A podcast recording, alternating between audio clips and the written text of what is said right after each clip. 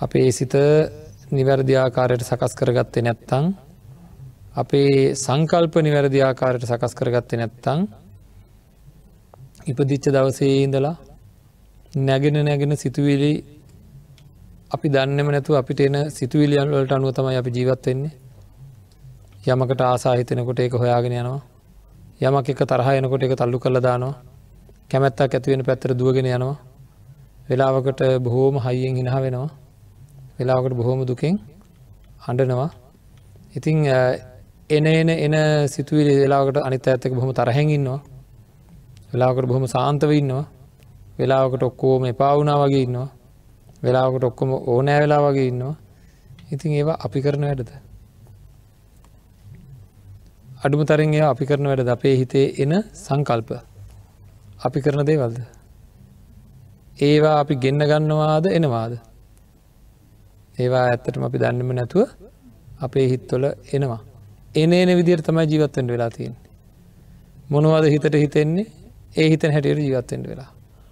ආං එහෙම අහම්බෙන් වගේ මගේ කිසි අවසරයක් නැතුව මාව යට කරගෙන හිර කරගෙන තද කරගෙන සමහර වෙලාවට පාපයන් කරන්න පවා පෙළඹෙන විදිහට ප්‍රාණඝාත කරවගෙන අදත්තාදාන කරවගෙන කාමේ වර්දවා හැසිරීම් ඇති කරවමින් බොරු කියවමින් කයෙන් කරන වැරදි වචනයෙන් කරන වැරදි මනසයෙන් සිද්ධ වෙන වැරදි දේවල් ඇති කරවමින් අපේ ජීවිතවල ඇතිවෙන මේ සංකල්පනා නිවැරදි විදිහට ඇතිවෙන ආකාරයට සකස් කරන්න ඕනෑ. නිවැරදි ආකාරයට ඇතිවෙන විදිට සකස් කරේ නැත්තං අපි හුළඟ යන කොලයක් වගේ. එන එන එන එන සිතුවිල්ලට අනුව ඔහේ ඉන්න ඇති. දන්න දවසේ දකින්න. නේද. සම්මා සම්බුදුරජාණන් වහන්සේ නමක් මේ ලෝකට පහළ වෙන්නේ අපිට මෙහෙම ඉන්ට නෙවේ. නිවැරදි සිතුවිලි අපේ සිත්වලින් ඇතිවෙන විදිහට හිත සකස් කරගන්නඩ. පාසල්ලල ගුරුවරු උගන්නනවා. උගන්නන්නේ ඒ ඒ විශේෂේස්ත්‍රය අනුව දක්ෂයෙක් කරවන්නට බලාගෙන. ගණන් ඉගෙන ගන්න කෙන ගණන් හදනවා. විද්‍යාව ඉගෙන ගන්න කෙන ඒ අනුව කටයුතු කරනවා. එහෙම නැත්තං වෙන මොන හරි ෘතියක් වඩු පාසලකට ගිහිලා වඩු වැඩිගෙන ගන්න කෙනට ඒක හරිට කරන්න පුළුවන් වෙනවා. එක එක එක වෘතිය නිගෙන ගන්න අය ඒ ඒ වෘතියට අනුව තමන්ගේ වැඩ කටයුතු කරනවා. බුදුරජාණන් වහන්සේත් අපිට එක වෘතියක් උගන්නනවා. ඒ තමයි නිවැරදි සිතුවිලි ඇති කරගන්න ක්‍රමය. නිවැරදි සිතුවිලි ඇති කරගණ්ඩ නං අපි ක්‍රමේ දැනගණ්ඩුවනේ. අන්න ඒ ක්‍රමේ දැනගත්තොත් තමයි අපිට පුළුවන් වෙන්නේ නිවැරදි සිතුවිලි ඇති කරගෙන ජීවත්තෙන්ට. වැරදි සිතුවිලි ඇවිල්ල වැරදි සිතුවිලි අපේ හිතක ප්‍රබල වෙලා තියෙනවනම් ඉති මුකුත් කරන්න විදිහක් ඇත්තනෑ. අද දවස අපි කතා කරන්නේ ආර්යෂ්ඨායක මාර්ගය භාවිතා කරද්දි අපි තුළ ඇතිවිය යුතු වෙනස්කමක් වෙනස්කන් තියෙනවා. අපේ චින්තන රටාවෙහි වෙනස්වීම් සිද්ධ වෙන්ඩෝන අපි පිළිබඳ කලින් ධර්ම දේශනාවලදි සාකච්ඡා කර මාර්ගහිතක් උපදවා ගැනීම කියලා. මාර්ගහිතක් උපදවා ගැනීම සඳහා අපිට නොඒකුත් පැතිකඩවලින් අපේ හිත සංවර්ධනය කරගණ්ඩුව නෑ කවදහර නිවන් දකින්න මාර්ගිතක් උපදවා ගන්නවා කියන්නේ නිවන් දකිින් අපි හැමදේම කර නිවන් දකිත්වා නිවන් දකිත්වා කියල ප්‍රාර්ථනා කරනවා. බොහෝ පින්කං කරමින් කටයුතු කරාට අපේ ජීවිතවල දුක් අඩුවෙන පාටක් වැඩිය පේන්ට නෑ. වයසට අන්ඩ වයසට අන්ඩත් සමහල්ලාට සිත්වල තියෙන පීඩිත තත්ත්වේ අඩුවක් නෙවෙයි වැඩියක් වෙනවා නං එනම් අපේ විදර්ශනා අවබෝධයක් නැත්තන් අපිට ධර්මයෙන් ප්‍රයෝජනයක් ලැබිලනෑ බුදුරජාණන් වහන්සේගේ ධර්මය ඉතා සැනසිරිදායක ජීවිතයක් ඇති කරගන්නට. මොනමදේ අඩුවනත් සංකල්පමය වසයෙන් අපි නිවැරදිව ඉන්නවා නම් හැමදාම සතුටෙන් ඉට පුළ මේ ලෝක බලන්ඩ වැඩි දෙනෙක් පින්වත්න්නේ හරි සමහර අය වැඩි දෙනෙක් ලෝකෙ තින හැම දෙයක්ම මහා බරට හිතරරඟඉන්නේ. බොහොම අමාරුවෙන් සමහදවල්ලට සමහරය මුණ දෙද්දි ඒ දේවල් වලටම සැහැල්ලුවෙන් හින වෙලා මුණ දෙනා දැකර නැද්ද. සමහරය හරි සැහැල්ලුවෙන් එක මුණ දෙ නැති මොන කරන්නද කියලා. ඉතින් අන්න ඒ වගේ සුවද ඒකන්නේ සැහැල්ුවෙන් මුණ දෙන්න අය එකම ප්‍රශ්නයට මුණ දෙන්න. එකම ගෙදරක් ගන්නක. මුණහරි ප්‍රශ්නයක් වුණාව සමහරය හරියට තැවෙන අතරේ සමහර එහෙම නෑ ඒ කෙනා තුළ තියෙන සංකල්ප හැටියට තමයි. ඉතින් ඒවා එයාගේ අතීත අත්දැකීම් අතීත දේවල් එයා දන්න දේවල් අනු තමයි ඒ සංකල්පන හැදෙන්නේ.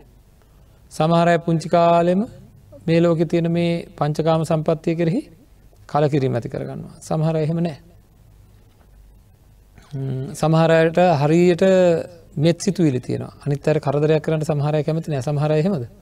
කරදර කරම කරම ජීවත්තෙන්ට කැමති ඉතින් එක එක්කෙන එක එක්කෙන මේ විදිහ විවිධ ආකාරය සිතුවිලි එක එක්කෙනට එන්නේ ඉබේ නෙවෙයි හේතු ඇතුව තමන්ගේ සිතුවිලි නිවැරදි කරගණ්ඩ නිවැරදි සංකල්පන ඇති කරගණ්ඩෝ නෑ ඒ සංකල්පනා වර්ධනය කරගන්න කොහොමද කියලා බුදුර නිවැරදි සංකල්පනා වර්ධනය කරගන්න කොහොමද කියලා බුදුරජාණන් වහන්සේ දේශනා කරලා තියෙනවා.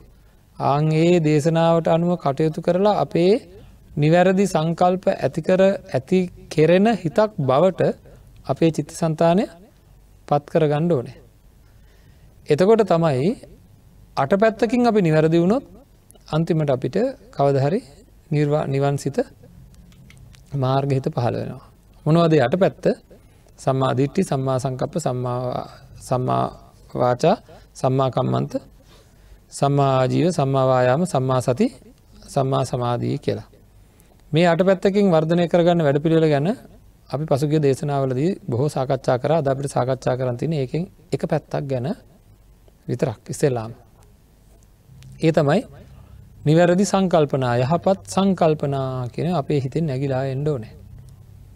මොනවද නිවැරදි සංකල්පනා කියන්නේ නෙක්කම්ම සංකල්පනා අව්‍යාත් සංකල්පනා අවිහිංසා සංකල්පනා කියෙන තුන අපේ හිත්වලින් නැගිලා එන්ඩ ඕන කොහොම දන්න දැන්ට තත්ත්වය කියලා අපි සාකච්ඡා කරනකොට විමසලා බලන්ඩ ඕනේ.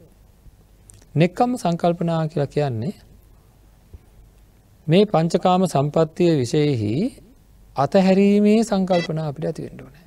හරියට මේ ජීවිතය අපිට දැනෙන්ඩ ඕනෑ දඩු කඳක ගහලා ඉන්න කෙනෙක්වාගේ. මව අහු වෙලා ඉන්නේ කියලා. දැන් මට මෙහෙම කියන්න. සමහර ඒවා දකින්නතු ඉන්න බැයිද. ඉන්ඩ බැරි තත්වකට පත්වෙලාද නැද්ද. සමහර ඒවා අහන්නතු ඉන්ඩ බැරි තත්වට පත්වෙලාද නැද්ද.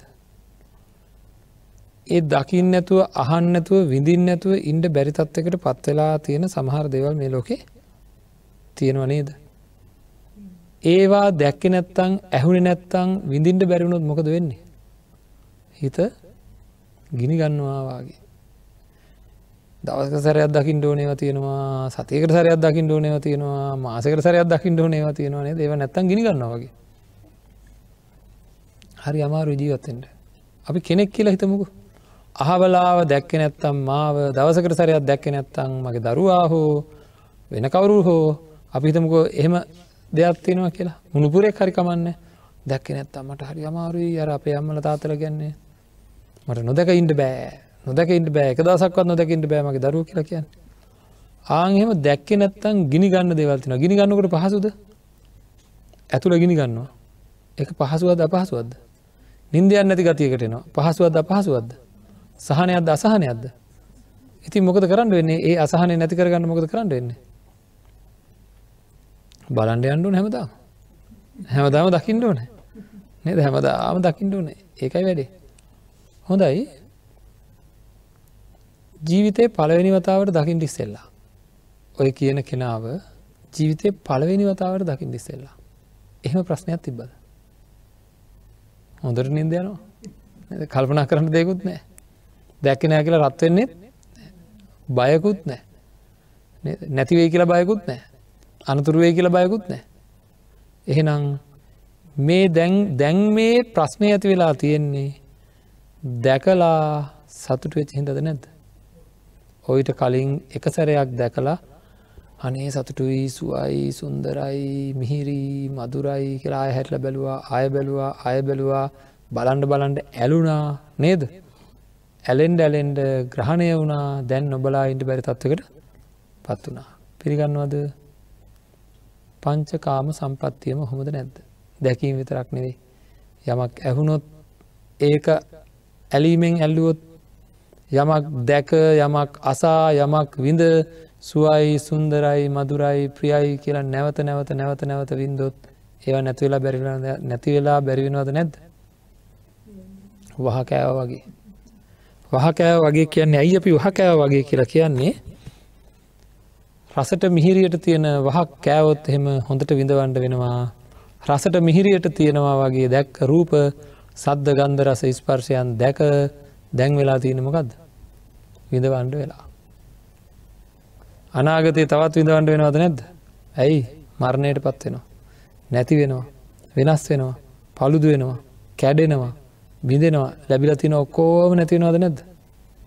ඉතින් කෑගහන දැකල තිනද තැන්තැන්ගොල්ට කෑගහන මළමිනි ඉස්සරහතියාගෙන කෑගහනවා යන්ඩ එපෝ නැගිටින්ඩෝ මාත්තෙනෝ වලට පයිනු කියනේ මුළු සරීර බිම පොළවේක ගහ කෑගහනවා පොළොවට ගානකුත් නෑ මළමිනිට ගානකුත් නෑ. නේද? ඉතින් මේ තත්ත්වය තවත් ඉස්සරහට තවතවත් වර්ධනය වෙනවා. මොනුව කරොද්ද රූප සද්ධ ගන්ධ රස ස්පර්ශ කියලා කියන මේ පංචකාම සම්පත්ති හරි වහක් වගේ හරි විසක්. හරි අලුතෙන් මේකට යමක් එකතු නොකරගෙන ඉන්ටත් ඕනෑ. තියෙන දේවල් අයිවෙන්ටත් ඕනෑ. දැනට අහුවෙලා තින දේවල් අපිට දැනෙන්ටුුණු කොහොමද?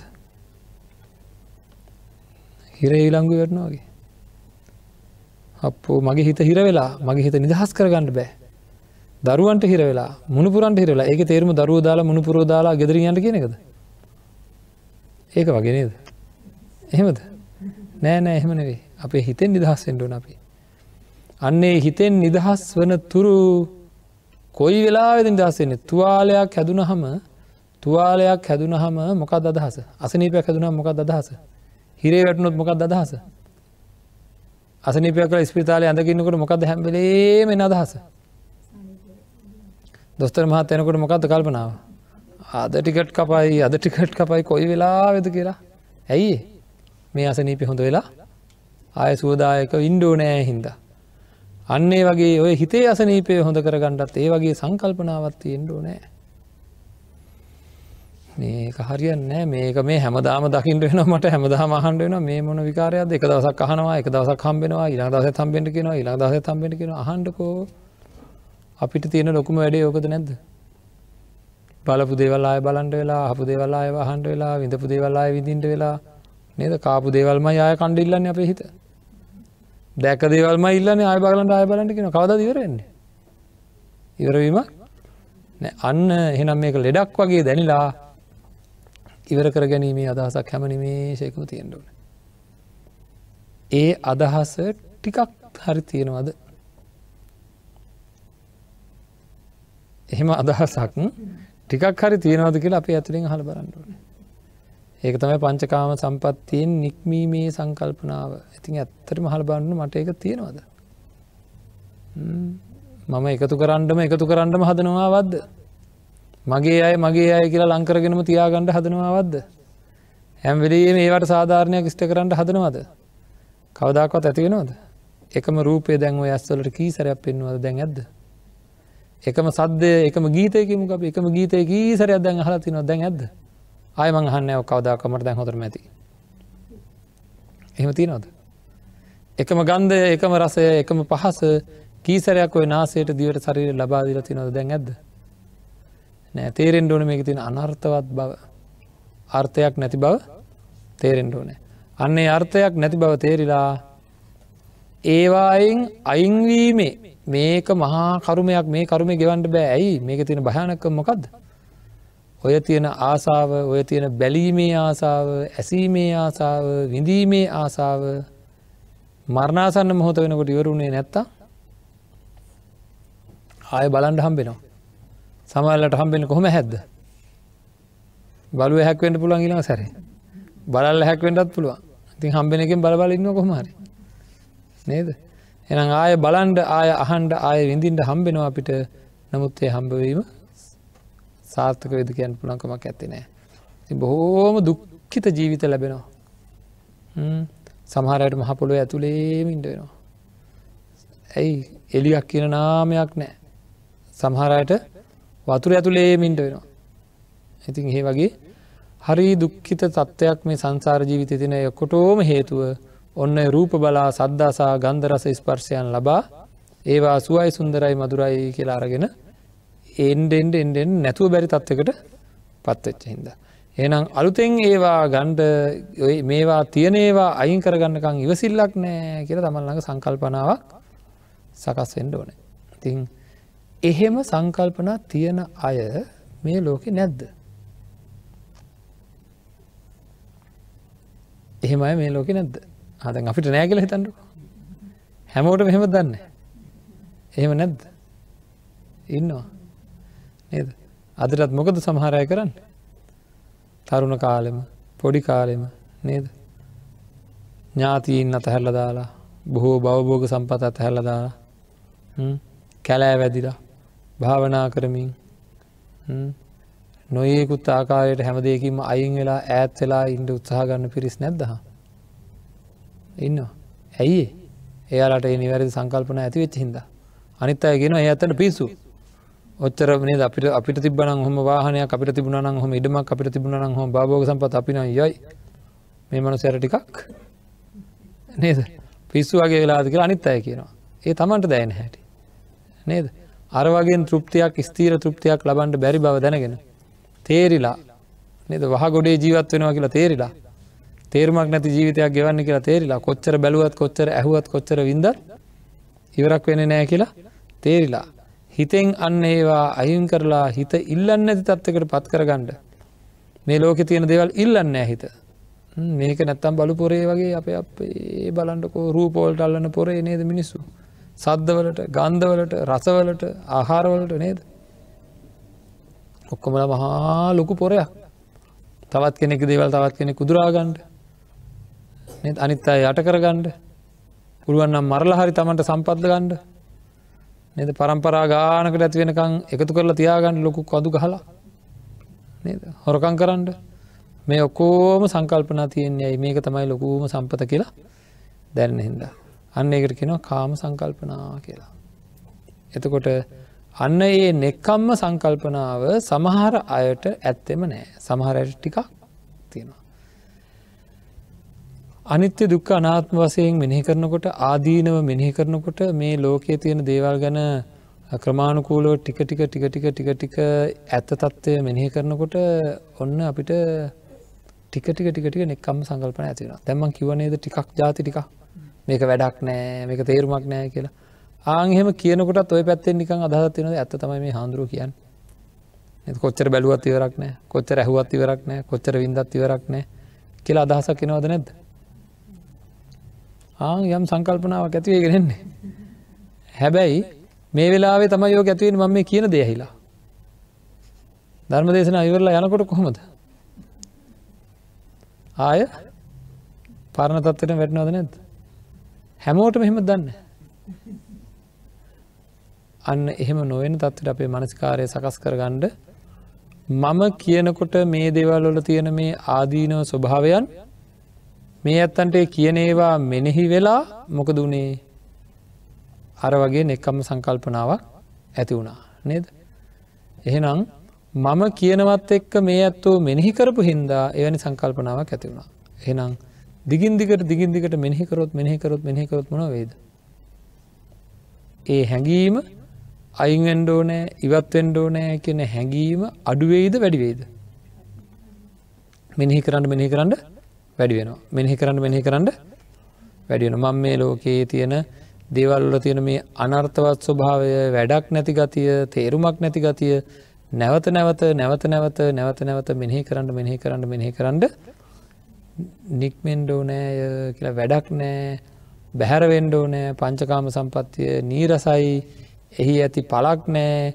එක අතුප්ති කරයි. එක භයානකයි කියලා හිතිලා මේකෙන්න්න අයින් වෙන්ඩ මෝනෑ කියලා නෙක්කම්ම සංකල්පනාවක් හැඟීම ඇති වෙනවා. හරියට කොයි වගේද? පිළිකුල් තැනකට අපි ගියොත්. කොහැර තැනකට අපි ගිය. ගිහ මෙතන හරි අප්‍රසන්න දුගන්ද වැඩක් නැති තැනක්. අප්‍රසන්නයින්ට ඒ හැම්වෙලේ මොකද හිතෙන් එතන අයිෙන්ටුන අයිෙන්ටුන අයිෙන්ටුන කර හිතෙන නේද? ආගේ වගේ මේ ලෝකය අල්ලන්ට නෙවේ මේ ලෝක අතහරින්ට හිතෙන සංකල්පනා තමන්ගේ තුළ වර්ධනය වෙලා ඒ එන්න ඒ සාමාන්‍ය වර්ධනය වෙච්චේවා වර්ධනය වර්ධනය වෙලා වර්ධනය වෙලා මේක අන්ඩුවන ඕනම හැඟීමත් ටිකටික ටිකටික වර්ධනය වෙනවද නැද්ද? එතකට අපි බලන්ඩ ඕනෑ මගේ ළඟ දැනට එහෙම සංකල්පනා තියෙනවාද? කොපමණකින් වර්ධනය වෙලා තියෙනවාද කියලා. සමහර දේවල් අපි දන්නවා තරහ කියන්නකෝ.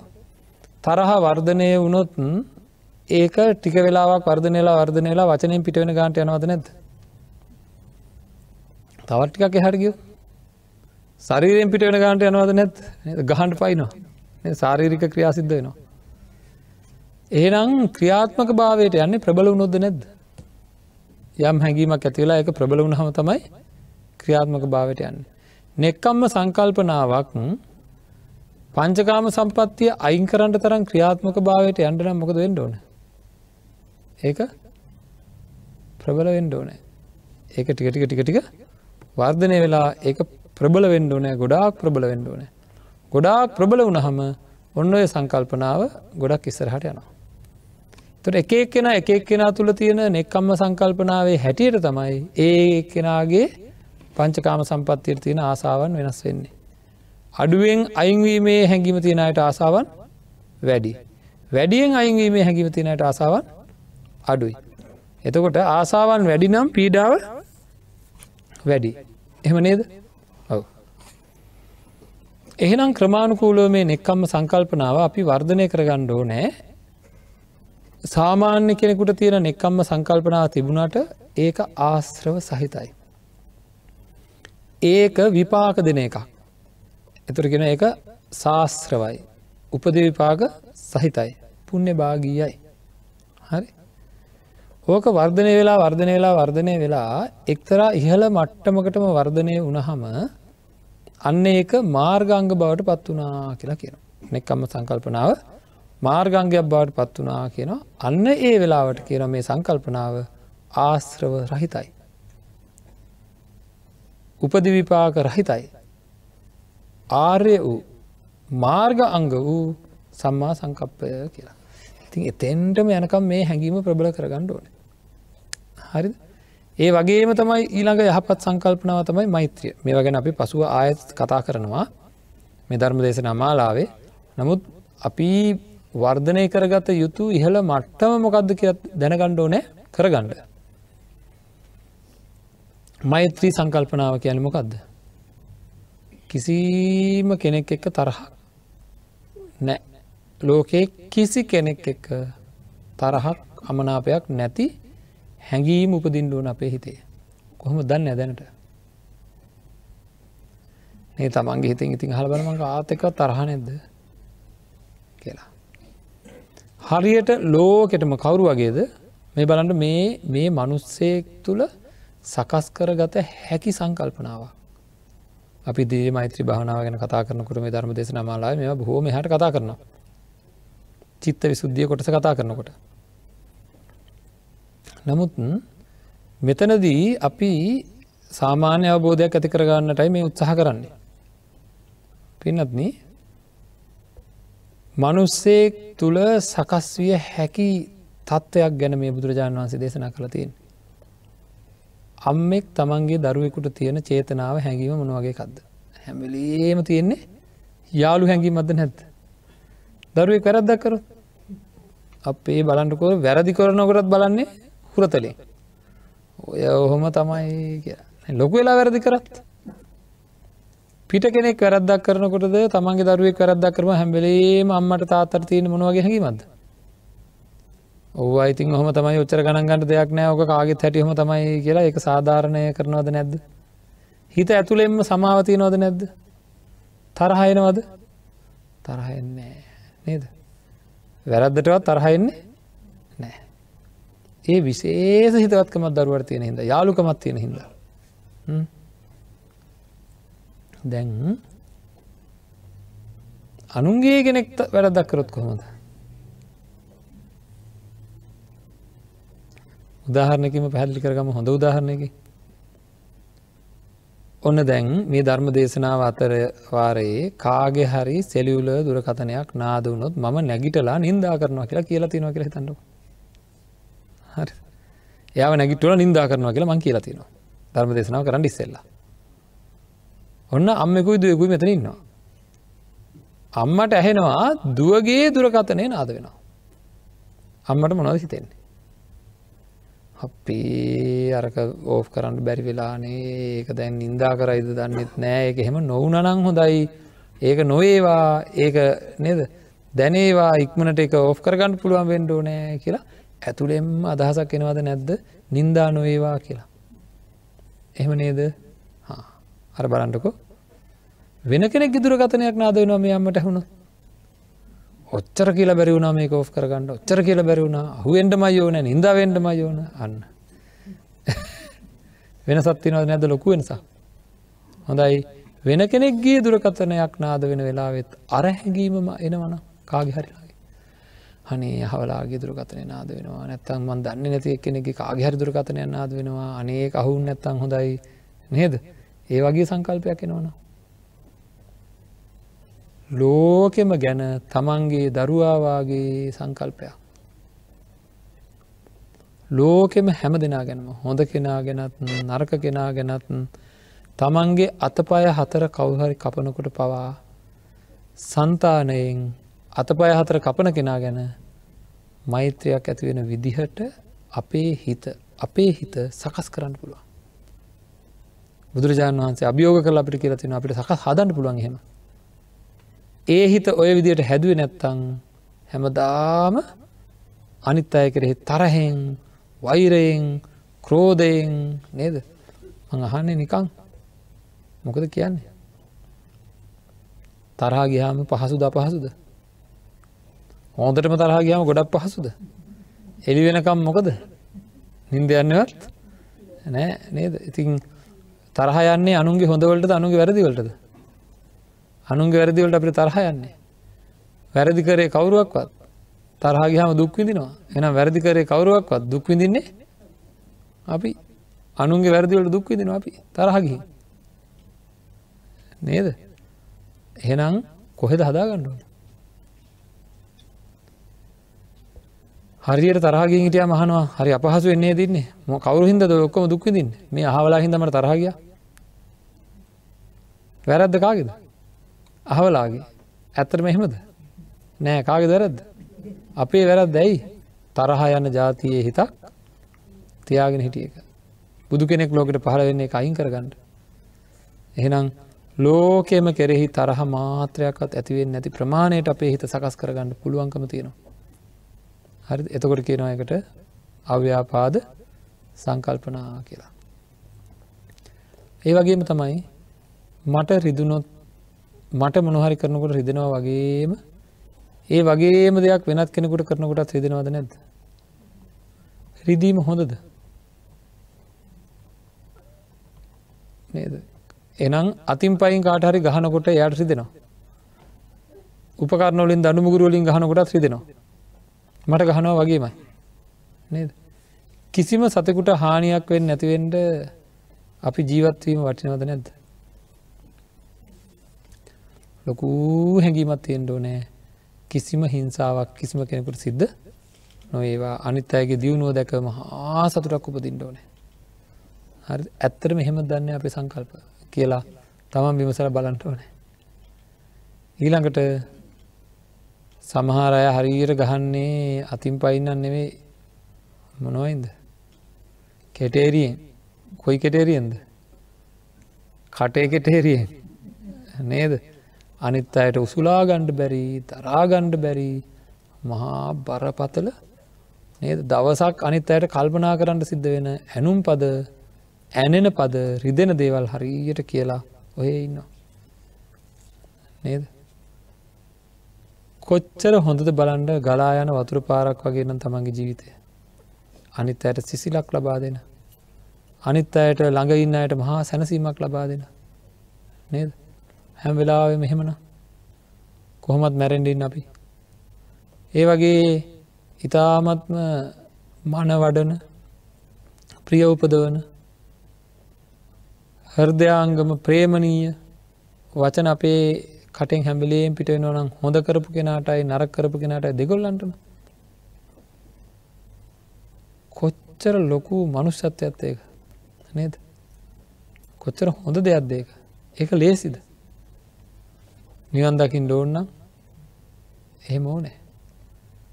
පුරා කූම්ියකුටක්වත් හිංසාවක් නොවන දිර තමන්ගේ ජීවිතය අරගෙන අන්ඩෝන එහෙම හැඟීම් එන්ඩෝන අපිට. එනම් නෙක්කම්ම හැඟීම් එන්ඩෝනෑ අව්‍යාපාද හැඟීම් එන්ඩෝනෑ අවිහිංසා හැඟීම් එන්ඩෝන ඉතිං ප්‍රායෝගිකව අපි හිතල බලන්ඩෝනෑ මගේ තත්ත්වයම කක්ද කියලා. හරිද? එහෙම ඒවා ආවත් නිවන් දකින්න කවද වෙන කන්ද ඒවා ආශ්‍රව සහිතයි. ඒවා උපදවිපාක සහිතයි. ඒවා අනාර්යයි. ඕවා වර්ධනය වෙලා වර්ධනය වෙලා වර්ධනය වෙලා වර්ධනය වෙලා ඒ හැඟීම වැඩිලා වැඩිලා වැඩිලා නෙක්කම්ම හැඟීම මෛත්‍රී හැඟීම අවිහිංසා හැඟීම වර්ධනය වෙලා වර්ධනය වෙලා වර්ධනය වෙලා කොච්චර වැඩෙන්ඩ ඕනද කෙනවනම් තක්කෝ විතක්කෝ සංකප්පෝ අපපනා ව්‍යප්පනා චේතසෝ අභිනිලෝපනා කියන මට්ටමට වැඩෙන්ඩෝන සිතේ එක සනයක වෙන කිසිදු සිතුවිල්ලක් නැතුව මුළු ලෝකෙටම අම්ම කෙනෙක් වගේ අනේ මේ ලොවෙහි සියලු දෙනා තරහ නැත්තෝ වෙත්වා එකට දුක් පීඩා නැත්තෝ වෙත්වා සුවපත් වූ සිත් ඇත්තෝ වෙත්වා. දෙන්නෙත් දෙන්නෙක් අතරවක්වත් බහිම් බස්වීම සිද්ධ නොවේවා කියන ඇතුලාන්ත මෛත්‍රී හැඟීම වෙන කිසිදු හැඟීමක් නැතුව අපේ හිතේ නැගෙන්ඩෝන හරි? වෙන කිසිම දෙයක් නැතුව. ඒ නැගීම සිද්ධ වෙනකොට කොහොමද? හිතවත්කං අහිතවත්කං වෛරීකං එය මොකක්වත් එතන තියෙන්ට බෑ. අන්න එහෙම මට්ටමකට අපේ හිතක් පත් කරන්න පුළුවන්. බැරිනෑ ඒක ප්‍රායෝගිකෙන්ඩුන අපි ඔක් කොම කතා කරන්න පුළුවන්. නමුත් එක ලේසිද? නෑ තැඩි අධිෂ්ඨානයක් ගණ්ඩෝ නෑ මං මේ තත්ත්වට මාව පත් කරගන්න මගේ සන්තානය ඇයි මට බැරි? සම්මා සමුදුරජාණන් වහන්සේ දේශනා කළ තියෙන එක කුසලේ වර්ධනය කරන්න කුසලේ වර්ධනය කරන්න. ඇයි මං වර්ධනය කරන්න කියන්නේ? ඒක කරන්න පුළුවන් හින්ද. බැරි නම් මම කියන්නේ නෑ කියලා. ඉතිං ඔන්න අපිට දැනෙන්ඩුන අපි මෙන්න මේ ඉලක්කයට යන්ඩෝ නෑ ඇස් දෙක පියාගෙන භාවනාවක් විදිහට මෛත්‍රය වඩන වෙලාවක මුළු ලෝකෙ මරමුණ වෙලා හැම්ම කෙනෙක් ගැනම නැන්දම්ම ගැන ලේලි ගැන මාමණ්ඩි ගැන පුතා ගැන බෑන ගැන එක එකම විදි හැඟීම තමන් පුළුවන් තමන්ට වෙනස්කං කර නැදම්ම එකන්නවන අම්මට වගේ සලකන්න. කොච්චර වෙනස්කං කර? තමන්ට වෙනස්කං කරන්න ලේලියෙක්කින්නව නං දුවට වගේම සලකණ්ඩ කොච්චර වෙනස්කං කර? එතකට කෙනෙක් කියයි ඒවා කොහෙද? නේද? ඒම හරියන්න එහෙම කරොත් ඔළුවටත් නගි. එහෙම කී කිය මොකදේ? වෛර පිරිමහන්ට හදන්න. නේද? එහෙම නැතුව තමන්ගේ පැත්තෙන් කෙරෙන්ට තියෙන හැම්ම යුතුකමක්ම නොපිරිහෙලා ලස්සනට කරන්න. කවධාර හිත නිදහස් කරගන්න පුළා බල්ලෝ බිරුවාට මිනිස්සු බල්ලන්ට බුරන්නේ නැතය කියන පරණ කියමනත් තියෙනවා. නේද? අන්න ඒ වගේ වෙන අයගේ වැරදි වෙන අයගේ දේවල් මත අපේ ජීවිත රඳා පවතින්නේ නැතිවෙන්ඩ හැම්ම කෙනෙකුට එක වගේ අනේ මේ ඔක්කොම මේ වැරදීමක් මේ පොඩියවුම් වගේ.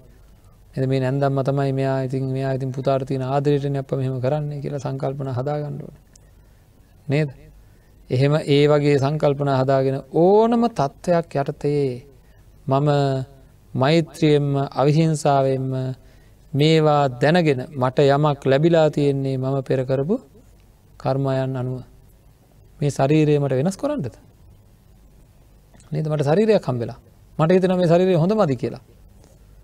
අල්ල පොලේ කණ්ඩද මේකත් එක ඉන්ඩ වෙලා. එහෙනම් මේ ලැබිලා තියෙන විදිර ජීවත්වෙන්ට වෙලා.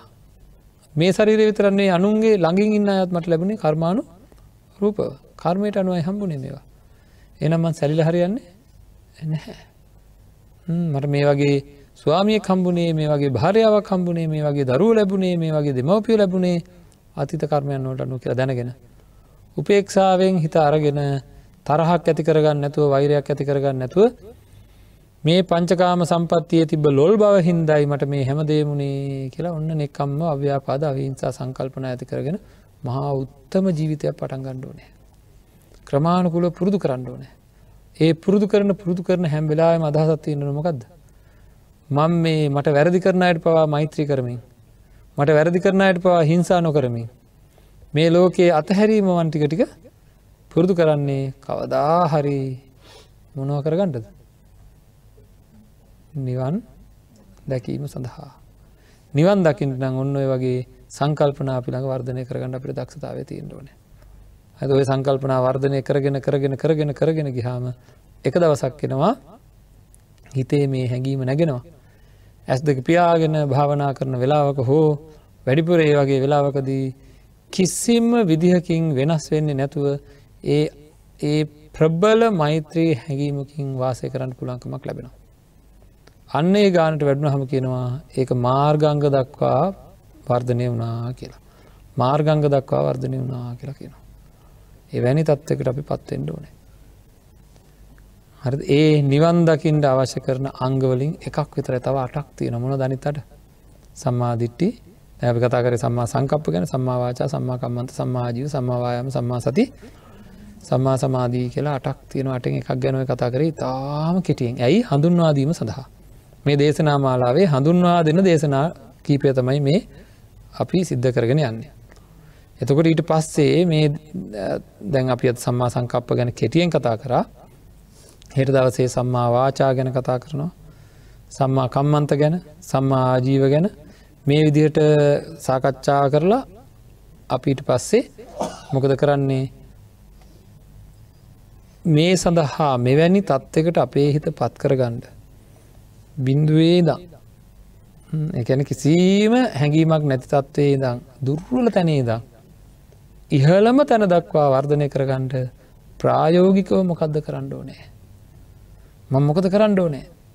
හැබැයි කරන්නේ නැතුව නම් කවදාක්වත් වෙන්නේ නෑ කරන්න ඕන දේ කරන්න නැතුව කවදාක්වත් දුකෙන් මිදීම නෑ හැමදාව දුක්විඳින්ද කල්පනාව. නෑ හිත දුකෙන් නිදහස් කරගන්න පුළුවන් ඒ සඳහා වීරය වඩන්ට ඕනේ ඒහින්ද ඔන්න ඔය මිත්‍යා සංකල්පන අපේලා ඇතිවෙන නම් කාටරි ගහන්්ඩෝනෑ නැත්තම් පංචකාම සම්පත්ති ඇතිනට ඇතිවෙනවා කියලා දැනගැනීමම සම්මාධිට්්‍යයට වැටෙන. ඒ දැනගෙන තමන් දැනගෙන මං මේ සංකල්ප අයින් කරන්නඩෝ නෑ මේ සංකල්ප අයින් කරන්නඩෝ නෑ මේ තරහ අයින් කරන්නඩෝ නෑ කියර තමන්ට වීරයක් ඇති වෙන නම් ඒක සම්මා වායාමයට වැටෙනවා. ඒ වගේම ඒ සඳහා යම්කිසි සිහියකින් හැබෙලේ මින්වන යම්කිසි කෙනෙක්. මිත්‍යා සංකපය මිත්‍යා සංකපය විදිර තමන්ට දැනෙන සිහිය සම්මා සතියට වැටන මහා චත්තාරිස්ක සූත්‍රය අනුව අපි තා කෙටි විග්‍රහයක් මේ සිද්ධ කරගන්න. අපේ මනසිකාරය පිළිබඳ ලොකූ විග්‍රහයක්. අපේ හිත පිළිබඳ ලොකූ විග්‍රහයක්. දුක් ඇති දුක් සකස් වෙන හිතේ දුක් සකස් නොවෙන විදිහට හිත සකස් කරගන්න වැඩ පිළිවෙලක් තමයි බුදුරජාන් වන්සේ ධර්මය තුළ තියෙන් ඒ පූජා විතරක් තිය තියෙන්ටන වැඩ පිළිලා පූජාතියන් ඩෝනෑ අර වගේ දෙයක් දැනිලා තමන් සැනසීමට පත්වෙනකොට මේ මුළු සරිරයෙන් පූජා කරන්න හිතෙනවා. මල් හඳුන් කුරු විතරන්නේ පොලේ ගහල වඳින් හිතන ම මොන්න දුකක්ද විඳගෙන හිටියේ? මේ සරිරයේ පොලේ ගහල වඳින්න තියෙනවනම්මට හරිද? ඒ තරමට හැඟිමක් ඇතින් ම මොන දුකක්ද විඳ විදිට හිතෙන්? දැඟඉතින් කිසිම දුක හිතේ නෑ කියල තමන්ටඔය තියෙන සියලු දුක්වේදනා අයින් කරගණ්ඩ ඊරිසියා අයින් කරගණ්ඩ අපහසුතාවයන් නොයිවසිරිකං ඔක්කෝම අයින් කරගෙන සැනසිල්ලේ ජීවත්වයට පුළුවන් තත්වකට පත් කරගන්න හිත පත් කරගෙන වැඩ පිළිවෙල. ලෝකය හදල සැනසෙන්ට නෙවෙයි කොහ හදලද හිත හදලා සැනසෙන වැඩ පිළිවෙලයි බුදුරජාන් වන්සේ දෙසනා කරේ. එද හැම ඕම දැඩි අධිෂ්ඨානයක් ඇති කරගන්න ඕන මට මේ කරන්න පුළුවන්. අපි මේ නිවන් මග කියෙන ධර්ම දේශනා මාලාව අධ්‍යහනය කරලා ප්‍රායෝගිකව ගත කරන හැම්ම නිමේශයකම මගේ ජීවිතය වෙනස් කරගන්න වැඩ පිළිවලට යන කියලා දැඩි අධිෂ්ඨානයක් ඇති කරගන්න ඕනේ. ඉතින් නිවැරදි සංකල්පනා ඇති